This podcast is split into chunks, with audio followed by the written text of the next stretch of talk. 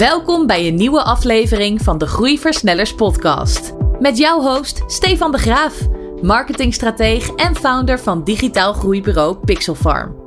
In deze podcast gaan we in gesprek met succesvolle ondernemers en marketeers die hun onderneming explosief hebben laten groeien. Ze vertellen je alles over hun inspiratie en delen hun visie op marketing en ondernemen. Welkom bij weer een nieuwe Groeiversnellers hier op Nieuw Business Radio en fijn dat je weer luistert. Iedere keer spreken we topondernemers en topmarketeers en worden er persoonlijke verhalen, praktijkervaringen en praktische tips gedeeld die allemaal met groei te maken hebben en waarbij marketing ook een cruciaal onderdeel is. Ik ben Martine Howard en mijn vaste sidekick hier bij Groeiversnellers is natuurlijk Stefan de Graaf. Stefan uh, van Pixel Farm, fijn dat je er bent. Ja, dankjewel. Ja, moment. Fijn dat je er bent. Dankjewel, Martine. Um, we gaan natuurlijk weer hebben over groei. Hè? We hebben ook weer een hele speciale gast. Wie Zeker. is dat? Kun je dat gaan vertellen? Dat is uh, Jeroen Kuilen, die is directielid bij de Staffinggroep. Ja, zo is het. Jeroen Kuilen, van harte welkom. Fijn dat je er bent. Goedemiddag.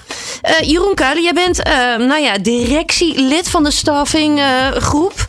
dat doe je ook al wel een tijdje, heb ik begrepen. Dat klopt. Ik ben in augustus 2012 begonnen bij de staffinggroep.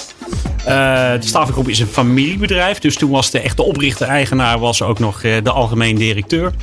En uh, nou, daar ben ik twaalf jaar geleden met veel enthousiasme gestart. Nadat ik een hele carrière heb gehad in de directie van een, van een zorgverzekeraar. IT gedaan, later commercie gedaan. Ja. En, en dat was weer de, het vervolg op mijn IT-carrière. Ik, ik na mijn studie informatica ben ik bij een consultieorganisatie gestart. Tegenwoordig CGI, toen heette het nog CMG. Ja. Wat, wat vind je zo mooi in dit vak? Wat fascineert je er zo aan? Nou, wat ik het mooiste vind überhaupt aan, aan organisaties is de veranderingen waar ze in zitten. En hoe je die veranderingen zeg maar vorm kunt geven. Uh, en of ik dat nou deed in mijn allereerste uh, baan als, als, als IT-consultant bij organisaties. Of in mijn rol als IT-directeur, later commercieel directeur bij die, bij die zorgverzekeraar. Dat je op een gegeven moment verandering doorgeeft. Omdat je gaat kijken hoe die organisaties mee kunnen bewegen met veranderingen in de markt. Veranderingen bij consumenten, dat soort zaken. En uh, nou weet je, daar kun je heel makkelijk over redeneren. Maar consumenten, en of dat nou in de B2B is of in de B2C. Ja, die zijn constant aan, aan veranderingen onderhevig. En, en, en het is altijd spannend om daar je organisatie op te laten aansluiten. Want het gaat uiteindelijk om datgene wat je doet, wat je levert. Hoe je beleving is die creëert met je, met, je, met je klanten in de interactie. Of het nou klantenservice is of, uh, of meer aan de, aan de marketingkant. Dus ook de, de, de, de websites. Ja, ja dat, dat, dat, dat is leuk. Ja, dus je bent eigenlijk altijd al continu met die ontwikkeling, met die verandering bezig. Maar dus ook met groei van anderen. Groei van anderen, groei van mensen, groei van de organisatie. Uh, uh, wat ik al zei, uh, we hebben verschillende rollen gehad. Die IT-verantwoordelijke was. Kijken we naar hoe kan je nou vanuit een interne IT-organisatie veel re relevanter zijn voor je stakeholders. En dat zijn je interne klanten om uiteindelijk hun groeidoelstellingen te realiseren. Nou, ja. ook een commerciële zorgverzekeraar wil uiteindelijk groeien in, in aantal verzekerden. Hoe kun je dat dan vormgeven? Hoe kun je dat ondersteunen? Later als commercieel verantwoordelijke met alle distributiekanalen die daarbij horen. En dan vervolgens ook daar je mensen, je team, je collega's in mee te nemen. En want vaak begint het dan met een ongelooflijk enthousiast idee. Ik geloof er ergens in. Uh, maar hoe ga ik dat nou vertalen naar stapjes die vervolgens door de mensen en de organisatie goed kunnen worden overgenomen. Ja, ja, dat zijn hele belangrijke dingen. Die gaan we natuurlijk ook verder bespreken. Voor de mensen die jullie nog niet uh, kennen, hè, de Staffing Group. Jullie doen echt recruitment en uh, contractmanagement. Jullie matchen professionals met de juiste organisatie, toch? Ja, ja de Staffing en andersom? Group is de Nederlandse schrijfwijze. Dus geen group. Ja, misschien mm -hmm. iets voor de toekomst. Ja. Staffing Groep. Dat is overigens wel raar. We gebruiken de Engelse term staffing en de Nederlandse term En dan toch Nederlands, en dan ja. toch ja. groep. Ja, we blijven een beetje vreemd. De Staffing Uh, Groep, ja. wij, in de essentie zijn wij een detacheringsorganisatie. Wij verbinden uh, het klinkt een beetje onder meer vraag en aanbod van talent in organisaties. En dat is met name IT. Een Mhm. van onze bekendste labels is IT-staffing. Ja. Dat gebruiken we al langer, al sinds 2011. Um, en wij leveren feitelijk die, die, die talenten, die expertise op IT-gebied, maar tegenwoordig ook andere uh, disciplines, uh, voor onze klanten. Dat doen we overigens niet met eigen mensen. Hè, want sommige DTC's-organisaties die, die, die plaatsen hun eigen mensen, doen dan projecten, opdrachten, dat soort zaken. Nee, wat wij doen, wij krijgen vragen van onze klanten. En vervolgens zoeken wij daar het beste talent bij. En dat doen we ook onafhankelijk. Dus wij hebben niet, plat gezegd, een bank van eigen medewerkers die we moeten plaatsen. Mhm. Om zeg maar de continuïteit en, en de omzet uh, zeker te stellen. Nee, wij kijken, want wat is nou de expliciete vraag die gesteld wordt vanuit die organisatie in termen van competenties. Maar ook wat voor type organisatie is het? Want als je gaat werken bij een ASML heb je toch een andere bedrijfscultuur dan bij wijze van spreken een, een ministerie. Dat zijn ook hele grote klanten van ons. Dus dan ga je kijken wat voor type mensen passen daarbij. Wie zit er in ons bestand of wie kunnen we gaan zoeken. En dan plaatsen we die Dan sluiten wij het contract met degene die de opdracht gaat doen. Die heeft dan het contract met ons. En wij sluiten het contract met de opdrachtgever. En op die manier zitten we ertussen. En daarmee nemen we ook nog eens een keer wat fiscaal-juridische risico's weg. Want met name ZZP'ers, daar geldt natuurlijk wetgeving voor. Ehm, en daarmee ontlast je zeg maar, de uiteindelijke eindopdrachtgever in dat soort, in dat soort zaken. Hoeft ook de hele facturering niet voor de, te, te regelen. Dus het is een stuk gemak. Ja, dus alles wat daarbij komt kijken, dat regelen jullie. Ja, en dat, eh, ja, precies. En dat gaat in grote, ja, grote volumes. We hebben bijna 4000 uh, contracten lopen. Dus 4000 mensen die via ons bij opdrachtgevers zitten. Specifieke sector waar jullie dan met name wel nou ja, voor nou, werken? Het is heel breed. Uh, veel in de overheid. Maar dat is niet specifiek omdat we die keuze hebben gemaakt. De overheid is gewoon een organisatie die nog steeds ongelooflijk veel inhuurt. Daar gebeurt heel veel. Digitale overheid is tegenwoordig een trend. Hè? Dus de communicatie met de burger. De overheid praat altijd over de burger. Uh, wat steeds meer digitaal wordt. Dus ja, daar heb je uh, projectmanagers, ontwikkelaars, architecten en alles wat erbij hoort nodig. Helder. Ja. Um, je noemde net al de overheid, uh, Jeroen. Wat, wat zijn andere branches waar jullie nog uh, actief zijn? Uh... We doen de uh, energiemarkt, energienetwerkbedrijven. Ja. en dat is op zich wel interessant om te noemen, omdat die energienetwerkbedrijven die zitten in een enorme transitie. Hè. We hebben de, de, de, ja. de, de energietransitie, je weet het ook. waarbij we langzaam maar zeker moeten gaan vergroenen. Ja. Um, maar dat legt ongelooflijk veel druk op die energienetwerkbedrijven om zeg maar, die vergoeding handen en voeten te geven. Ik, ja. ik, heb een elektrische auto, ik ben hier net aangekomen. Die is aan de overkant uh, aangekoppeld aan, aan het net. Ja. Maar die auto die vreet nogal wat stroom. En wij denken allemaal dat dat vanzelf is, want stroom komt gewoon uit stopcontact. Maar dat belast het netwerk enorm. Dus daar moeten allerlei veranderingen door worden gevoerd. We zijn langzaam zeker aan het nadenken om van het gras af te komen. Nou, dat is makkelijker gezegd dan gedaan. Want Ja. dat draait zo ongeveer de hele economie op. Ja, ja. Uh, maar die opdracht is wel meegegeven aan die energienetwerkbedrijven. Nou, en daar hebben ze talent voor nodig. En dat talent is extreem schaars. En dan heb ik het niet alleen maar over de IT'ers, wat ik het zei. We doen heel veel IT. Maar met name gewoon uh, mensen met een technische achtergrond, MBO, MBO plus HBO, die hebben ze hard nodig. En er is gewoon letterlijk een schreeuwend tekort aan. Ja. ja, ja. Ze zijn er gewoon onvoldoende. Ja. En dan heb je natuurlijk een uitdaging. Hoe ga ik dat oplossen? Ja, dan, zeker. dan bellen ze jullie, denk ik, of niet? Nou, dan bellen ze ons Ja. en dan zeggen ze van nou, kunnen jullie die mensen gaan zoeken? Um, en dat kunnen we wel doen. Um, maar het is, het is net als in, in, in, in in andere bedrijfstakken als, ja, plat gezegd, de voorraad. En dan praat ik niet graag over voorraad als het over mensen gaat, want het gaat over talent. Maar als de voorraad op is, dan zul je naar andere modellen moeten gaan kijken. Ja. Ja. Buitenland of zo? Of is zijn er Ja, die buitenlandse, die, die, die, die stap wordt natuurlijk al gezet. We zien Ja. mensen die uit Polen, uit, uit Hongarije en veel verder komen. Ook als in de IT. Ik kom Maar- uit de regio Eindhoven, heb je ASML. Nou, dat is, de voertaal is Engels. En het over het algemeen mensen die ook van heel ver weg komen. Klopt. Maar op een gegeven moment is dat ook een beetje op die weg. En dan zul je naar alternatieven moeten kijken. Dan kun je denken aan omscholen van mensen. Is dat een oplossing? Maar dan moeten die mensen wel die studierichting willen kiezen. Dat is al een dingetje natuurlijk.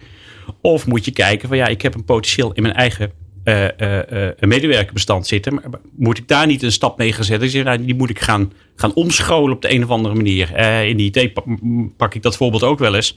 Weet je, IT'ers, ja, die kunnen, die kunnen ontwikkelen, maar die denken ook heel logisch na. Nou, je zou dan misschien mensen uit bijvoorbeeld een financiële omgeving halen die best wel numeriek zijn ingesteld. We zeggen, nou, kun je eventueel ook een stap maken, een transitie maken naar een ander type werk. Ja. Want werk verandert. Ja. Uh, we, we hebben tegenwoordig uh, uh, functies, um, werkomgevingen waarbij dingen gedaan worden die we tien jaar geleden niet eens deden. Nee, nee. Dit, dit, is een podcast. Nou, Twintig jaar geleden hadden we geen podcast. Was het allemaal lineaire radio. Dus Ja. daar hoort ook technologie achter. En dat moet ook ontwikkeld worden, dat soort zaken. Dus Ja. uh, dat, dat, dat verandert continu. En dat legt ook wel best wel de druk op die organisaties.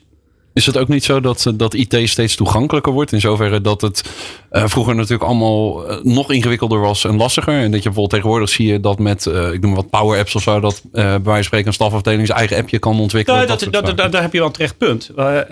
grappig, in 2005, maar mocht ik op het podium staan, was ik genomineerd CEO of the Year. Toen zei ik dat ook, want toen, toen was CEO, de, de Chief Information Officer, dat nou, een belangrijke tak van sport. En toen wilden we, ja. zeg maar, dat was in onze branche gebruikelijk, wilden we de CEO in, in de boardroom hebben. En toen heb ik eens een presentatie gehouden. Ik zei, nou, die CEO die houdt uiteindelijk op om te bestaan. Om de simpele reden die je ook zegt.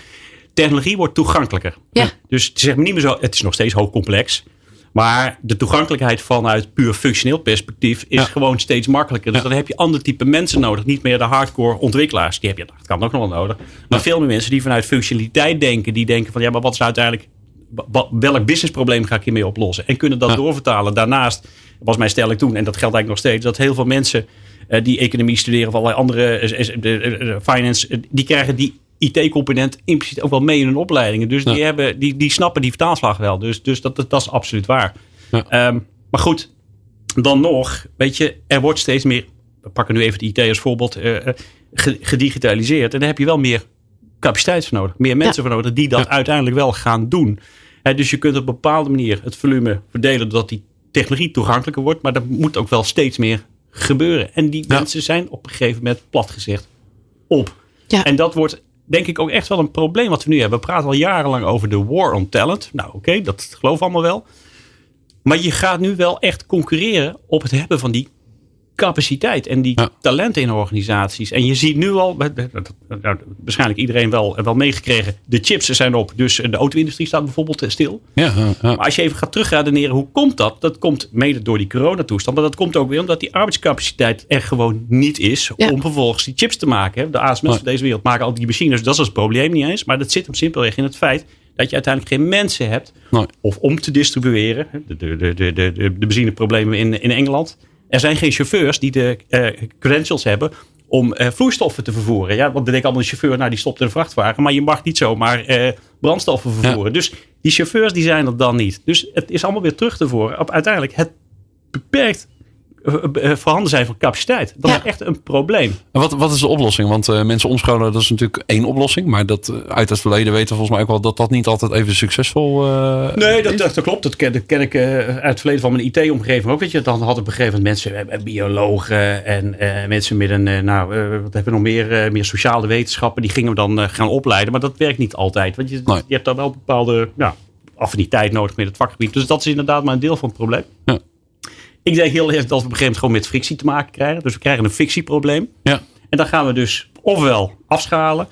Of je gaat dan echt kijken hoe je met nog meer innovatie uiteindelijk eh, de benodigde hoeveelheid uh, uh, ja, arbeidscapaciteit. Ik vind het woord arbeid altijd een beetje, dat krijg ik weer een beetje jeuk van. Het, het gaat natuurlijk om talent en kennis en kunde en innovatiekracht. Maar dat je op de een of andere manier toch probeert om zeg maar de, de, de volumes per, per, per FTE, om die op de een of andere manier te vergroten, door het efficiënter te werken. En vaak is het wel zo dat onder druk ja. op een gegeven moment dit soort innovaties versneld worden. Ja, en je, je zal denk ik ook heel erg gedwongen worden om meer te kijken naar vaardigheden van mensen dan alleen maar je vast te pinnen aan, aan een functie die iemand heeft. Dat we zullen een stuk flexibeler daarin moeten worden. Ja, dat is een terecht punt. Uh, want we zijn heel erg nou, gewend uh, te denken in termen van een cv. Wat heeft u allemaal gedaan? Ik zoek iemand voor de finance. Oh, dan heeft u in de finance afdeling gezeten. Terwijl je eigenlijk veel meer zou moeten kijken wat wat voor gedrag zit er achter die mensen? Waar worden ze echt heel blij van?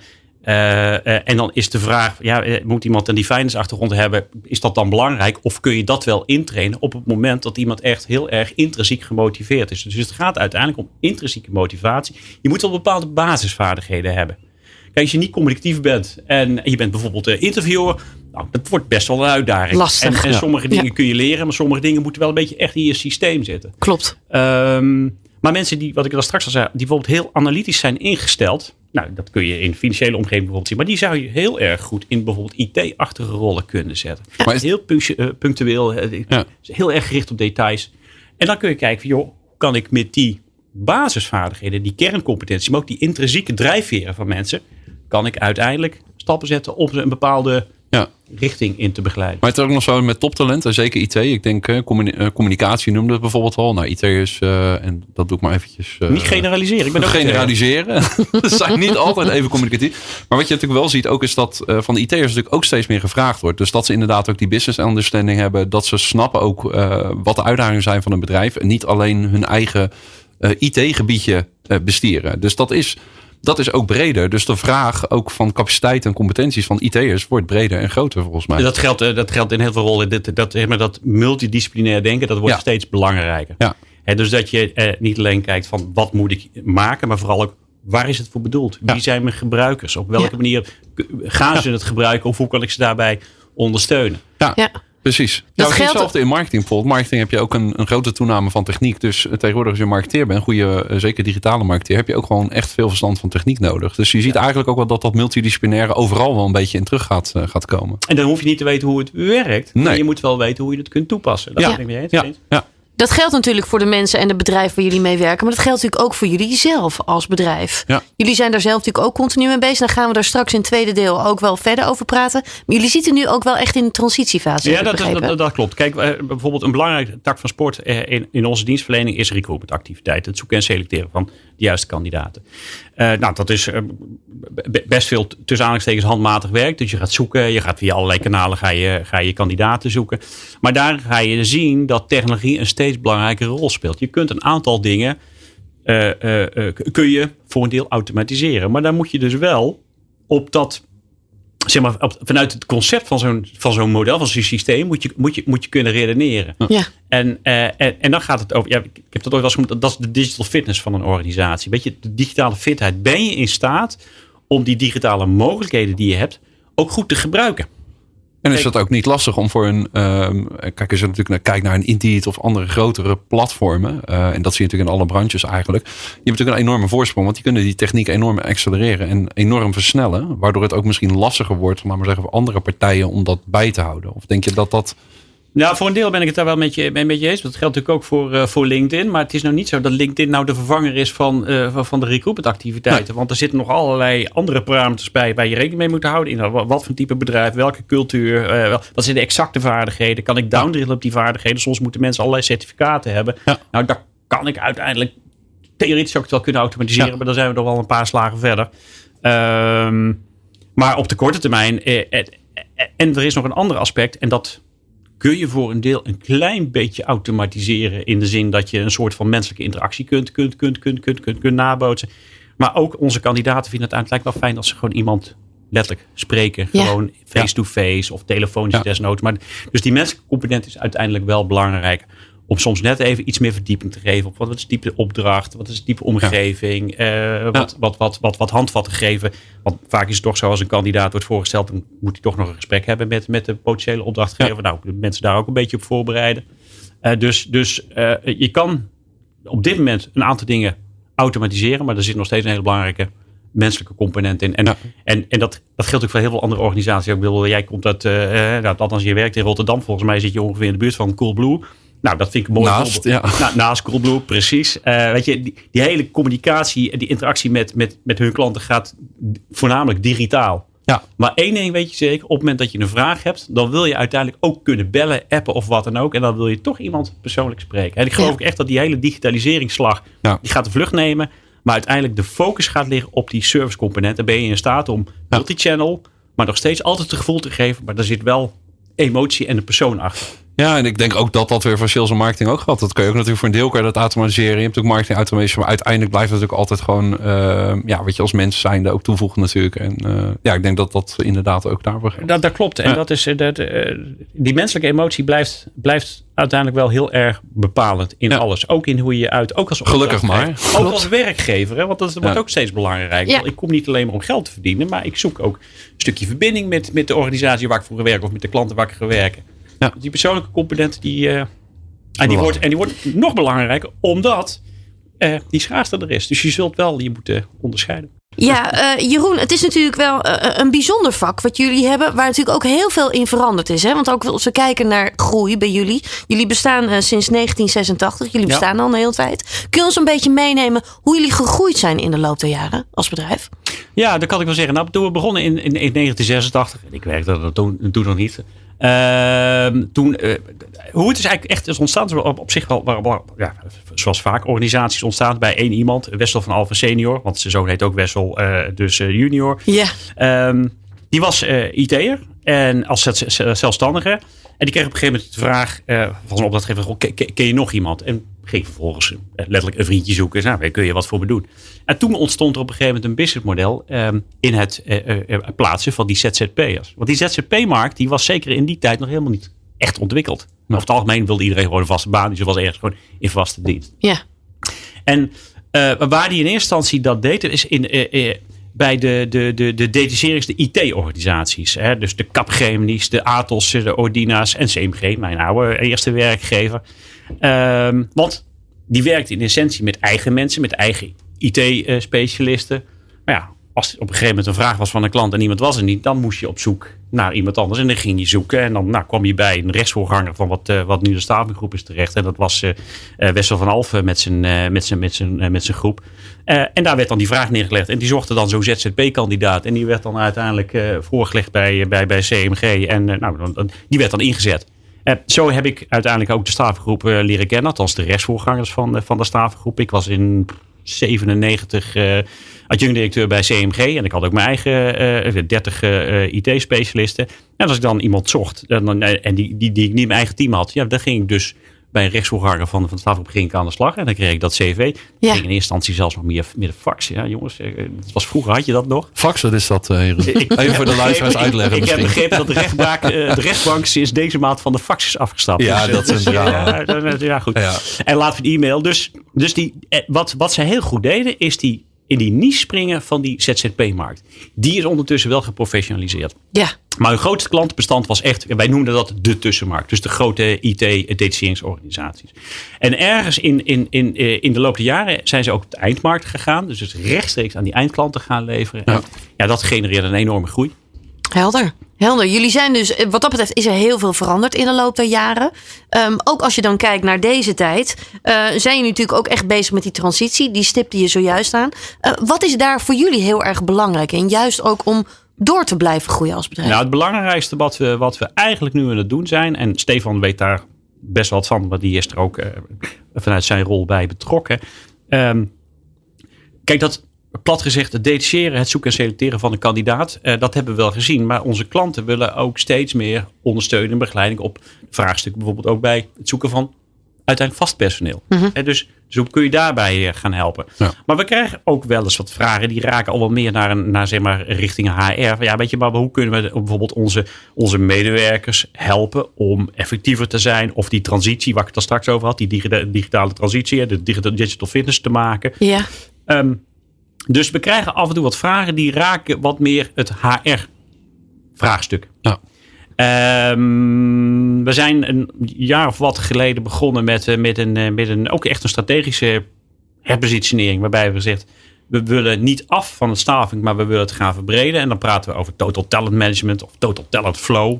En voor ons is talent iets wat constant in beweging is. En mensen binnen organisaties uh, zijn ook constant bezig met zich te ontwikkelen, door te groeien, intern uh, mobiliteit en misschien zelfs ook weer te vertrekken naar een, naar een andere plek.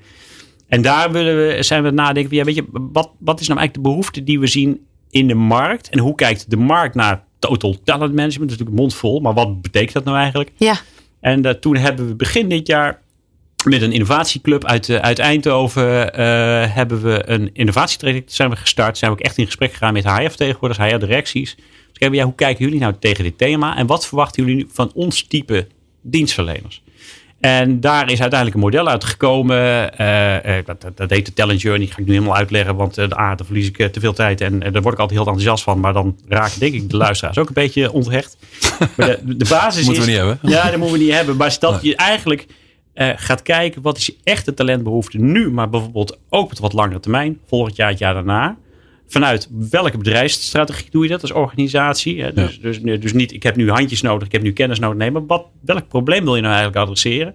En dan te gaan kijken, moet ik daar mensen voor aannemen? Moet ik daar mensen voor inhuren? Kan ik daar uh, uh, mensen voor ontwikkelen?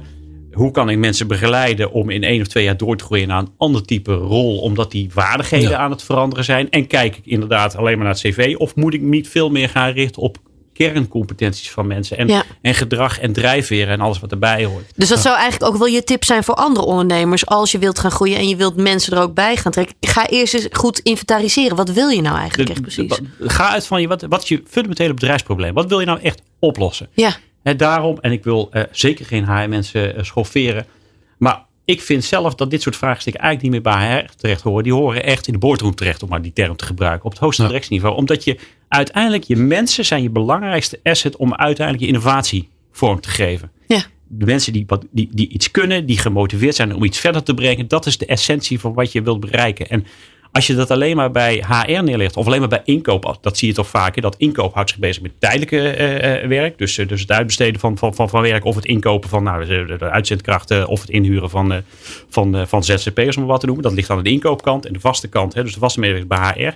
Maar je moet dat veel meer in, met elkaar in verbinding brengen. En echt vanuit, wat is nou de strategie? Want bij heel veel organisaties zie ik nu ook al gebeuren dat er, nou, oké, dan nemen we allemaal mensen aan. En dan kijk je vervolgens, zo, jullie hebben nogal een potentieel aan mensen. Maar weten Ja. die mensen nu allemaal wel wat ze moeten gaan doen? Ja. En is dat nou allemaal even effectief? Want je hebt op een gegeven moment ook een span of control probleem. Ehm, en dat komt omdat dat te ver afstaat bij wat was nou ook weer het kernprobleem wat we wilden oplossen. Ja. En wel, in welke prioriteit doen we dat? Want Ja. dan zijn we ook weer 86 projecten tegelijkertijd aan het doen. Nou, dat is gewoon niet te managen. Dus ja, daar hoort wel een bepaalde ratio bij. Die echt, vanuit, vind ik, vanuit het hoogste management moet worden, worden gestuurd. Denk je ook wel, Jeroen, het is gewoon een, een gedachtegang hoor. Maar denk je ook dat eh, mensen, ja dat klinkt heel, heel plat, maar dat mensen belangrijker zijn geworden voor bedrijven. Omdat heel veel, ja, vroeger zag je natuurlijk, hè, was vooral zat het eh, in IT. Maar daarmee kunnen we eigenlijk heel veel standaardprocessen afvangen. Dat de creativiteit, laat maar zeggen, van mensen, de kwaliteit, dat die de doorslaggevende Precies factor dat. gaat worden in het succes van Precies bedrijven. dat. Dat uiteindelijk, wat brengt een organisatie echt verder? Dat Ja. is toch vaak het individu. Ja. En, en, en het individu gedreven door allerlei intrinsieke motieven Ja. eh, om dingen te veranderen, te verbeteren. Eh, iemand wordt daar blij van. Dan zit, er is sprake van wederkerigheid. Ik doe iets voor het bedrijf, maar het bedrijf doet iets voor mij terug. Ja. Ik, ik voel me ook echt verbonden met datgene wat het bedrijf doet. Ja. Ehm, dus ja, dat, dat is steeds belangrijk. En Ja. dat wordt, nou ja, wat ik al van zo vaak een aantal keer al heb, eh, heb aanstipt. Dat wordt ook belangrijk omdat je nu echt, ja, ik wil niet zeggen concurreert, maar je hebt dus wel te maken met een hele beperkte set van, van, van, van capaciteit. Waar al die bedrijven die allemaal willen groeien, Ja. eh, uit moeten gaan putten. Ja, dat persoonlijke, dat, wordt dat is, wordt eigenlijk steeds belangrijker. Maar dat zie je dus ook heel erg terug in marketing. Hè? Dat, dat stipte al net al heel kort aan. Ja. Merken jullie dat zelf ook? Pakken jullie dat zelf ook weer intern heel erg aan? Ja, ja, ja, ja, ja. ja st- sterker nog, eh, onze kernwaarden, dat zijn er drie. Persoonlijk, onafhankelijk en dynamisch. Maar de P van persoonlijk, dat is ook wel echt hoe wij met onze afnemers, onze stakeholders, dat zijn niet alleen de klanten, maar ook onze professionals waar we natuurlijk eh, de verbinding mee hebben.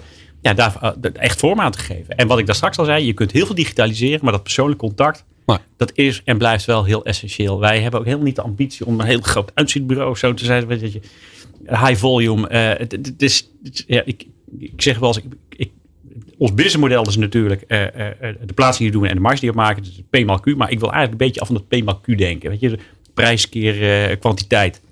Ehm, ik geloof erin dat als je echt in staat bent om verbinding te, re- te creëren met je, eh, eh, eh, je professionals. Die dan ook graag via jou willen werken. Maar ook met je afnemers. Omdat ze het gevoel hebben van, joh, jij levert niet alleen maar mensen, maar je denkt echt met me mee. En af en toe Ja. stel je dan ook die kritische vraag die nodig is. Ja. Dat dat uiteindelijk werkt. En ja, weet je, dat is toch dat, is toch het leukste. En uh, daar begon jij je vraagstelling mee. Ja, wat is leuk? Ja, zo, dat is de enige manier om organisaties verder te brengen. Om ook te groeien. Ja. Ja. Ja. Eens. Nou, in marketing zie je dat natuurlijk ook. Hè. Er wordt heel veel geautomatiseerd. Je krijgt heel veel berichten, impulsen eh, via social. Dat, dat houdt niet over. En dan is dat persoonlijk contact het net over had. Ja, dat is gewoon key, laat maar zeggen, om Ja. eh, ook winnend te zijn. Ja. Ja, we, we kunnen het hier nog heel lang verder over praten. Maar ik ben nog wel eventjes nieuwsgierig naar hoe jullie dat zelf naar buiten toe brengen. Hè? Want je wilt natuurlijk zelf ook de juiste mensen binnenhalen. Voor jullie is dat ook weer heel erg belangrijk. En dus marketing blijft heel erg key. Hoe weten mensen die jullie nog niet goed kennen dat ze bij jullie moeten zijn? Hoe pakken jullie dat aan? Nou ja, goed, in de communicatie probeert dat natuurlijk handen en voeten te geven. Nou, verwacht je ook dat ik een bevlogen verhaal vertel hoe geweldig wij dat allemaal geregeld hebben. Maar wij hebben nog wat uitdagingen, dit is er een van. Nee, dat klopt. Ik vind dat onze communicatie, eh, wij vertrouwen, eh, eh, en dat overigens met alle eerbied over, maar, maar we vertrouwen nog te veel op het feit dat we bekend zijn. In, in, zeg maar, in onze bedrijfstak zijn we wel redelijk bekend. Ehm, eh, maar, maar het principe van be good and tell it. eh, nou, dat be good, dat, dat proberen we echt te doen. Maar dat tell it, dat mogen we nog wel wat meer handen en voeten aan geven. En nou, daarom zijn we onder andere met Stefan in gesprekken. Dus die gaat ons daarbij helpen, hoop ik. Ja, Maar dat is, wel- dat is wel een belangrijk punt. Hè. Dus die communicatie, de interactie. eh, en dat is niet alleen digitaal, maar ook de, de verbinding creëren met, met die professionals. Dus wat vaker ook persoonlijk contact, telefonisch of, of, of, of sessies organiseren. Dat je ze ook echt ziet, want dat is toch wel heel belangrijk. Het gaat uiteindelijk toch om de herinneringen die moet je creëren. Van hé, hey, dat was een leuk contact. Daar gaan we de komende, nou, komende jaar echt volop inzetten. Ja, nee, zeker. Ehm, ja, Jeroen, we hebben het natuurlijk heel erg gehad over talentontwikkeling en dat soort zaken. Ehm, heb jij zelf nog manieren om jezelf te ontwikkelen of jezelf scherp te houden? Of ehm, ja, gewoon manieren om, eh, laat maar zeggen, met frisse energie eh, elke dag er tegenaan te gaan? Om zelf te blijven groeien. Om zelf te blijven groeien. Nou, ik ben van nature al heel erg nieuwsgierig. Dus ik lees graag en, eh, en ik wil graag ook een verdieping hebben. Ja. Eh, ik zei al bij de intro, ik ben ooit opgeleid als informaticus. eh, en toen dacht ik, van, ik wil ook wel weten hoe, hoe nou een bedrijf werkt. Dus toen ben ik, en toen ik nog, dat was ik IT-directeur bij CZ, ben ik eh, bedrijfswetenschappen gaan doen. Oké. Dus er allerlei dingen. Ik ben met name ook gericht op, op bedrijfsculturen. Uh, uh, nou, dus dat vond ik wel interessant. Ja. Vervolgens uh, kwam ik, toen ik commercieel verantwoordelijk werd, kwam ik in contact met marketeers. Nou, ik had een soort een aangeboren versie van alles wat met marketing te maken heeft. Dus dat ik, ja, daar kan ik er wel wat van vinden. Maar misschien moet ik erin gaan verdiepen. Dus toen ben ik bij, bij TIAS Business School ben ik Master of Science in Marketing gaan doen. Dus, dus heb ik natuurlijk ook een beetje ja. geleerd hoe die marketeers in elkaar zaten. Nou, ja. bepaalde voordelen werden bevestigd, maar andere voordelen werden toch echt ontkracht. Mooi. Dus uh, ja, dat, dat, dat, is hoe ik naar de wereld kijk. En, ja. en, en, en, vaak ook wel een beetje door trial and error. Oké, okay, dan heb je iets gelezen. Dat, zie je ook bij LinkedIn profielen. Dat ik, dan beschrijf ik iets van dat ik vanuit een stukje theoretische basis probeer uiteindelijk met praktische toepassingen te doen. Ik geloof namelijk wel heel erg dat als iemand ooit keer al iets bedacht heeft, dan op, zeg maar op, op, op, op gestudeerd heeft, dat heeft hij vaak toch wel een aantal essenties naar boven gehaald die heel relevant zijn. Dus, ja. dus dat probeer ik altijd een beetje te combineren van, oké, okay, dit is theoretisch kaart, hoe kan ik dat in praktijk brengen, bij wijze van spreken. En uh, uh, uh, dat, als, als voorbeeld over cultuur. Ik weet nog in 2004, toen was ik met die opleiding bezig. En een onderdeel daarvan was, was statistiek. Vind ik ook een buitengewoon interessant vak. En toen ben ik gegaan, vanuit die opdracht ben ik gaan kijken van wat is nou hoe kijken mensen binnen een organisatie naar, naar bedrijfscultuur? En je hebt uh, in de theorie heb je een aantal verschillende varianten. Heb je vier culturen. Je hebt familiecultuur, hiërarchische cultuur, advocatie en een marktcultuur. Dat, ik zal het verder niet toelichten. Mm -hmm. Maar ik had een bepaalde beleving dat als je dus bedrijfscultuur uh, uh, wilt beïnvloeden, dan moet je gaan kijken van weet je, wie, wie voelt zich wel of niet verbonden met die bedrijfscultuur. En toen ben ja. ik op een gegeven moment gekeken, hoe wordt die nou bepaald? Jouw cultuurbehoefte, voorkeur bij familiebedrijf, dat soort zaken, uh, hiërarchisch bedrijf. Door opleiding of door type werk. Dus IT'ers anders dan wij spreken haar en dat soort zaken. En toen kwam ik tot een toen voor mij verrassende conclusie dat bedrijfscultuur eigenlijk echt het zit in de mensen zelf. Dus ze kiezen als het ware de organisatie die bij ze past. Ja. En dat maakt helemaal niet uit wat voor opleiding ze hebben. Maakt ook niet uit hoe oud ze zijn. Dus een beetje het idee van oudere mensen zijn misschien wat meer voor familiecultuur. En jonge IT'ers die willen vooral een autocratie waarbij je heel veel vrijheid hebt. Ja. Nou, dat bleek dus niet zo te zijn. En dat was bij CZ. Nou, dat is toch best wel een typisch ambtelijke organisatie. Dus het was voor mij wel verrassend om dat te zien. Want toen dacht ik, en dat was ook mijn conclusie. Ja, als je cultuur echt wilt veranderen, dat klinkt een beetje hard. Maar dan moet je bijna kijken naar het aannemen van ander type mensen dan wie ja. je zelf bent. Ja. En dan is de grootste bottleneck, dus vaak het management. Want die, zoeken kopieën van zichzelf. Ja, natuurlijk. Ja, en heb je ook niet het idee als mensen bij een organisatie komen dat ze zich helemaal aanpassen aan de cultuur? Dus uiteindelijk begint het natuurlijk met een solide basis, denk ik ook. Dus de, de, de key spelers die bepalen de cultuur. Absoluut. En, en, en, en dat zijn uh, de cultuurdragers uiteraard. Dat, ja. is, nou, dat kan uiteraard bij de medewerkers zitten, maar dat zit voornamelijk toch wel bij het management. Dus, ja. En zeker bij wat hiërarchische bedrijven is dat toch wel heel bepalend. Ja. En mijn stelling is ook dat als je echt wilt veranderen, als je echt heel goed naar jezelf kijkt, dat het eerste het management zou moeten doen naar zichzelf kijken. Ja. Ben ik niet de grootste bottleneck in de verandering van deze organisatie? Ja. ja. ja dus in plaats van altijd naar anderen te kijken, kijk eerst naar jezelf. het ligt altijd aan de medewerkers, maar ik denk ja, nee, het ligt toch echt bij jou als uiteindelijk eindverantwoordelijk. Ja, ja. ja. En dan zou je over je eigen schaduw moeten durven heen stappen. Zeggen, joh, ik pas niet meer bij deze organisatie. Deze organisatie die gaat die kant op. En ja. dat moet ik niet doen. Ja. Zelfevaluatie is altijd, zelfreflectie is dat wel lastig, uh, moet ik zeggen. Zeker als je gaat kijken naar de top van management vaak. Uh, die zijn niet uh, heel erg goed in staat om zichzelf ja, te evalueren en, en heel erg te reflecteren, toch? Ja, dat, dat weet ik niet. Dat, ik, ik kan niet voor anderen praten. Ik weet wel dat ik op een gegeven moment... Ik, ik, voor mij is verandering altijd wel de reden waarom ik heel erg enthousiast word. En als ik te lang bij een bepaalde organisatie... dan altijd nadenken, in wat nu? Ja. En bedoel, wat ik, ja, ik, ik begon als IT-directeur, ik ben eens commercieel directeur bij een zorgverzekeraar. Nou, ik heb nooit gezegd, uh, toen ik klein vond, ik wil commercieel directeur ergens worden. Ik, ik vond nee. dat van commercie. Maar ja. blijkbaar heb je dan bepaalde vaardigheden uh, waardoor je dat uh, gaat doen. Ja.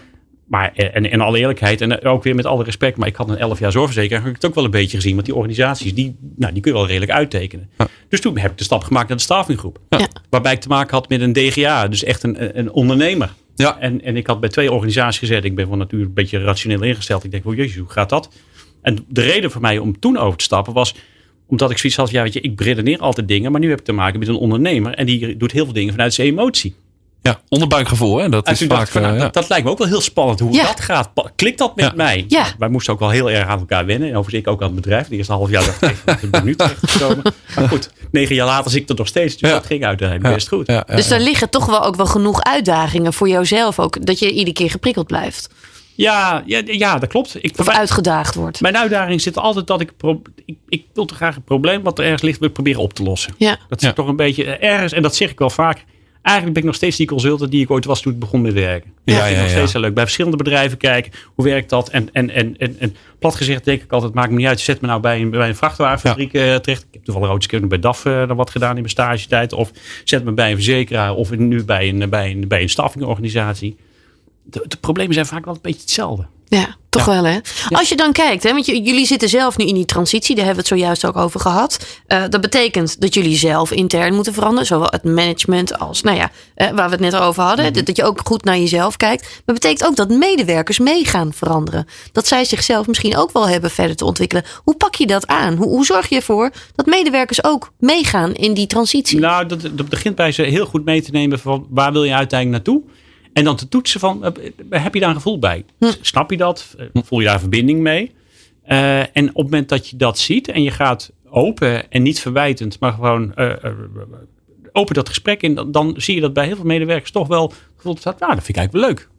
Ja. En, en dan zeg ik, nou, misschien is het idee om een opleiding te gaan volgen. Nou, sommigen is dat wel even oeh, wat een combinatie met werk. Ja, Maar als je ze meeneemt waarom je dat vraagt en wat het ze uiteindelijk persoonlijk oplevert, ja, dan worden ze altijd wel heel enthousiast. En ik heb het een paar keer meegemaakt dat mensen ja, een opleiding gaan doen. Eh, Een aantal mensen met een MBO-achtergrond zeggen, ga nou eens een HBO-opleiding doen. Nou, oké, zijn ze gestart en dan zijn ze een half jaar bezig. En dan worden ze ineens enthousiast. Dan krijgen ze nieuwe kennis, nieuwe inzichten. Ja, En dat vinden ze gaaf. Ja, weet je, en dan, ja, dan hoef je ze niet meer te motiveren. Dan komt het vanzelf. ja. mooi. Dus, dus dat, dat is wel heel belangrijk. En Ja. onze organisatie is aan het veranderen. We zijn in april zijn wij overgenomen. Nou, de nieuwe eigenaar heeft echt ambities om, om veel sneller te gaan groeien. Dus we zijn nu ook bezig met een, met een hè, dat heet met een mooi woord, een buy and build strategie. Om te kijken van nou, wat willen we vanuit die total talent management strategie waar we naartoe willen. Hoe willen we dat gaan invullen? En wat voor type bedrijven zoeken we daar eigenlijk bij? eh, om uiteindelijk daar ook invulling aan te geven. Dat je enerzijds die, die, die hele dienstverlening, die hele strategie invulling kunt geven. Maar uiteindelijk ook die groei Ja. verder kunt realiseren. Ja. Zowel, en dus groei in kwantitatieve zin, maar ook in kwalitatieve zin. Dat vind ik ook Ja. belangrijk. Kun je iets zeggen over de bedrijven waar jullie naar op zoek zijn? Ja, dat is, ja dat, is, dat, dat is heel breed. Dat, plat gezegd, dat kunnen marketingorganisaties zijn. Dat kunnen organisaties zijn die in de HR-dienstverlening zijn. Dat kunnen IT-bedrijven zijn. Ja. Hè, dus eh, vanuit de gedachte, eh, wij leveren nu eh, specialisten op het gebied van, van, van IT. Maar misschien kun je dan ook wel een organisatie aanwerven die ook daadwerkelijk in staat is om die oplossingen te realiseren. Ja, dus ja. dat is heel ver. En, en, en het is ook niet zo dat we nu een, een heel duidelijk wenslijstje hebben. Dit, dit zijn de bedrijven die we willen hebben. Nee. Maar we weten wel dat we in onze dienstverlening echt fundamenteel willen verbreden. We zijn ook echt op, op zoek naar volume. Dat is ook wel heel belangrijk. Ja. Ja, En, en niet alleen binnen Nederland. Hè. We heten de staffinggroep. Maar eh, nou, misschien gaan we die naam ook nog wel een keer veranderen. Maar in ieder geval kijken we uiteindelijk naar welke meerwaarde kunnen we blijven leveren aan uiteindelijk onze afnemers. Ja. In, in zeg maar, de, de zoektocht naar hun innovatie, Ja. kracht en behoefte. ja. Ja. En schaalgrootte is dan wel natuurlijk heel belangrijk om eh, echt een slag te kunnen maken. Het enerzijds om impact te hebben. Ja. Aan de andere kant, eh, want groei eh, eh, kan bijna niet zonder dat je ook financiering hebt. En financiers, eh, kijk, geld is relatief, nou, gratis wil ik niet zeggen, maar er is natuurlijk veel geld op dit moment. Hè, lage rentestand, dat soort Ja. zaken. Dus dat, geld zoekt wel zijn weg. Ja. Ehm, maar daarbij is volume wel vaak heel, heel, heel erg belangrijk. Dus Ja. dat, dat moet je ook hebben. En dan krijg je een andere uitdaging. Eh, met die doelstelling die je hebt om te groeien en straks misschien weer bedrijven over te nemen, haal je ook ander type culturen naar binnen. En hoe hou je dan toch zeg maar die kern die je nastreeft, hè, dat persoonlijk onafhankelijk dynamisch, onze kernwaarden, hoe hou je die in stand? Ja. Ja. Want de grootste uitdaging, hè, je hebt, je hebt nou, eh, small business scale-up, dat snapt iedereen, maar van scale-up naar echt een stap groter worden, dat is vaak ook wel een heel groot probleem, omdat je dan je oorspronkelijke kernwaarde en je, je meerwaarde Komt onder druk te staan. voor jou Ja. kozen, die, die komt onder druk te staan. Dat is het. Dat Ja. is het inderdaad. Ja, daar ligt nog wel een grote uitdaging. Ja. Ja, die- spannende periode. Oh, absoluut. Maar ik vind het super gaaf. Leuk toch? Superleuk. Beetje Ja. dynamiek. Ja. Ja. Als je dan nu terugkijkt, hè, eh, je zit al een tijdje in het werkveld. Er gebeuren er dingen, er gaan dingen goed, er gaan dingen minder goed. Als je vaak kijkt, het meeste waar je, of eh, eh, vaak het grootste leerproces zit heel vaak juist in dingen dat, minder, dat dingen eventjes minder goed gaan. Eh, dan word je ook in één keer gedwongen om enorm te groeien. Wat is voor jou een moment geweest dat je dacht, ja, daar heb ik nou heel veel geleerd. Dat was echt een groeimoment. Nou, wat ik heb, dat is meer persoonlijk. Ik denk dat ik van nature best enthousiast ben. Dan heb ik een idee in mijn hoofd en dan kan ik daar met ongelooflijk veel vuur over vertellen. Mhm. Maar dat concept wat ik in mijn hoofd heb, en dat is natuurlijk ook in de rol die je als leidinggevende hebt. Hoe krijg je dat nou echt overgebracht op de rest van, van de organisatie? Want iedereen interpreteert datgene wat je zegt op zijn of haar manier, met zijn of haar context. Klopt. En daar heb ik nog wel eens gemerkt dat ik met heel ongelooflijke grote stappen eh, allerlei mooie vergezichten had beschreven. Ja, Die ja. voor mij volstrekt logisch waren. Ehm, maar uiteindelijk bleek toch dat ik eh, wat meer tijd had moeten nemen om echt mensen wat meer stap voor stap mee te nemen. Ja. En, en de, de, de grote uitdaging is, hoe kun je eigenlijk al die, die, die weerwar van ideeën die je hebt, op een hele verstandige, rustige manier stap voor stap overbrengen. Dat mensen nog wel aligned blijven. Hoe doe je dat? Ja, herkenbaar dit. Ehm, Heel herkenbaar voor mij ook. Ja, nog vaker dan ik van nature zou doen, de toetsvraag doen. Kun je nou eens in je eigen woorden uitleggen wat, ik, wat jij denkt dat ik heb proberen uit te leggen? ja. ja. Dus gewoon echt de vraag stellen, zodat de ander Ja. echt vertelt wat hij of zij Ja. in zijn hoofd heeft zitten. Ja, dat. Ja, Ja. dat. Maar als jij een paar stappen verder bent, denk ik ook dat je. eh, en, en je mensen zijn dat nog niet. Dan loop je op een gegeven moment loop je eraan te trekken. Want dan zijn ze er zelf nog niet klaar voor. Dus betrokkenheid wordt natuurlijk ook minder. Nee, dat, dat- exact. En dan kom je ook niet in beweging. Nee. Ik, ik, ik maak wel eens een beetje de flauwe vergelijking misschien, maar van het trekken met, met een heel dun touwtje aan een hele zware steen. Als Ja. je niet hard genoeg trekt, dan komt die steen niet in beweging. hè, massatraagheid. Maar als je te snel trekt, breekt het touwtje. Ja, Nou, en dat is altijd de uitdaging. Het maximale verandervermogen van de organisatie eh, eh, gebruiken. En de tweede, eh, vanuit datzelfde enthousiasme heb dan een heel idee van hier wil ik naartoe. Maar soms is het wel eens handig om andere mensen nou eens gewoon echt dingen te laten invullen. Dat je alleen maar zegt, joh, ik heb hier een aantal piketpalen. Maar wat ertussen ligt, zou jullie eens willen meedenken. En kijken of dit wel werkt, of dit niet werkt. En daar zelf invulling. Want dan maak je mensen eigenaar precies. van Ja. die verandering. Ja. Maar dat is lastig natuurlijk ook om daar open voor te staan. Omdat je hebt zelf natuurlijk je eigen perspectief. En als andere mensen daar hun invulling aan gaan geven, dan, dan moet je heel erg. eh, Ja, dat klopt. Maar dat is dan, eh, eh, eh, en dat vind ik zelf heel moeilijk, maar toch af en toe ook gewoon echt loslaten. ja, Accepteer nou dat de weg daar naartoe niet zo heel erg belangrijk is. Het gaat uiteindelijk om het eindresultaat. En het, het is net als een rivier. Waarom is een rivier zo ongelooflijk duurzaam? Beter dan nog een kanaal. Dus een rivier zoekt uiteindelijk zijn eigen weg. Ja, dus ook gewoon maar op vertrouwen. Dat het dan ook wel op die manier goed gaat. Ja. Dus dat je dus ook daarin loslaat. Maar wel vanuit het gezamenlijk uiteindelijk einddoel voor ogen. Want Ja. je moet uiteindelijk wel een gezamenlijk gedragen einddoel hebben. Hier willen we naartoe. Hè? Wat ik al zei, we willen echt richting die nou, wat bredere HR-dienstverlening. Dat is wat we willen. We willen dienstverlening leveren. Dus de servicekwaliteitsbank. Dat vinden we belangrijk. Ehm, nou, en als je daar mensen in meekrijgt en met mensen over spart en af en toe je ook kwetsbaar opstelt. Ik heb binnen mijn eigen organisatie met een aantal medewerkers ook gewoon af en toe zo'n sessie ochtends. En dan eh, mogen ze me alles vragen en vertellen. En dan stel ik me echt heel kwetsbaar op. En dan neem ik ze ook mee waar ik af en toe tegenaan loop. En dat, dat krijg je dan terug. weet je, Dat geeft ze heel veel vertrouwen. Eh, eh, Ja. ja. Ja, ja, nou, maar dat creëert ook openheid en vertrouwen, denk ik. Ook bij de mensen natuurlijk, om, om te zeggen wat ze denken. Dus dat. eh, Ja. Ja.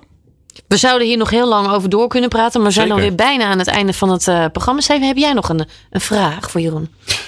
Nou, ehm, niet echt, maar ja, ik ben wel benieuwd. Heb je nog andere passies eh, behalve staffing? Staffing. Ja, nou, mijn grootste passie is, eh, is tegenwoordig. eh skiën is mijn allergrootste passie. Nou goed, met corona werd dat wat lastig. Moest ik echt vorig jaar, eh, toen corona al in alle hevigheid was toegetreden, moest ik, moest ik Oostenrijk verlaten. Maar goed, dat doe je natuurlijk alleen maar als de sneeuw ligt. Verder eh, ben ik tegenwoordig eh, ben ik, eh, nou, een paar jaar aan het golven. Daar word ik wel heel enthousiast van. Leuk. Dat vond ik vroeger echt verschrikkelijk sport. Ik denk, wie gaat er nou golven? Dus dat ken ik er vervolgens. Dacht ik Maar- ook, maar, maar, maar, ik vind het ja, buitengewoon ja, leuk spelletje. ja. En het is ook vooral om mezelf mentaal af en toe een beetje weer terug op aarde te brengen. En verder loop ik af en toe nog wat hard. Ik heb eh, drie keer in mijn leven een marathon gelopen. Daar ben ik wel een beetje klaar mee. Ik heb de kustmarathon in Zeeland gedaan. Dus dat is ook nog over het strand door de duinen. Ja, dat slaat helemaal nergens op. Heftig, ja. Ja, daar moet je zoveel voor Ik word, er, ik word er allemaal van als ik eraan denk. Maar, eh, Ja, ja, nou, dat was meer omdat ik zoiets had van, ja, als ik dan een marathon gelopen, nou, dan ga ik die marathon, Ja. dat is het zwaarste. Nou, geen bijzondere tijd of zo. Maar dat denk ik van, dat vind ik wel leuk. Ik vond het leuk om allemaal echt naar een doel toe te werken. ja. Ja. Dus dat, eh, dat, dat vind ik leuk. En eh, nou, verder eh, geniet ik van mijn kindertjes en van mijn liefstalligen. En eh, die, ja, die zitten een beetje in hetzelfde werkgebied. Die zit in de IT security. Die werkt bij ASML. En wij hebben het ook heel vaak over het werk. En ja, dat Leuk. vind ik ook wel leuk. Ja. Ja, het werken naar een doel toe, dat is wel duidelijk. Dat, dat vind jij ook heel erg belangrijk. Als we dan ook kijken hè, naar succes. Jullie zijn succesvol al een tijdje als bedrijf. Jullie zijn aan het groeien. Jullie zitten in die transitie wat dat betreft. Ehm, wat zijn voor jou dan de belangrijkste ingrediënten voor succes en voor groei? Waar ik steeds meer, en eigenlijk wist ik dat, maar elke keer op een gekke manier toch weer door verrast wordt. Je moet echt een aantal goede mensen om je heen hebben. Die echt de, de kar verder helpen. Die echt aan, Ja. aan dingen lopen trekken vanuit intrinsieke motivatie. Ik heb nu net een nieuwe manager aangenomen. Nou, daar ben ik gewoon heel erg tevreden over en heel blij. Want die ontlast mij niet alleen. Maar die vult weer dingen in die ik helemaal niet heb of kan. Weet je, dat, Ja. dat, dat vind ik gewoon gaaf. En gewoon een aantal mensen die, die, eh, dat hoeft niet eens manager te zijn, hè, maar gewoon die in de organisatie. Het, ik noem dat altijd de waterdragers in de organisatie. Die uiteindelijk zorgen dat dingen echt in beweging komen. De En- kartrekkers. en die vaak, hè, want als, als, zeker in een hiërarchische relatie hebt, dus het soms- kan soms wat lastig zijn. Maar die bij wijze van spreken het verhaal wat jij probeert te vertellen, in hun eigen woorden, veel beter overbrengen naar hun directe collega's. Weet je? En, Ja. en, en, en die heb je zo ongelooflijk nodig. Dat is, Ja. echt, dat is de echte smeerolie in, in, in organisaties. En als je die eruit weet te pikken, ja, dan ben je dan, ja. dan- Dat is echt talent, laat maar zeggen. dat ja. is echt talent. Ja, Ja. Jeroen Kuilen, ik wil je heel erg bedanken voor je komst en voor het delen van je verhaal. Ja, Mooi om allemaal gedaan. te horen.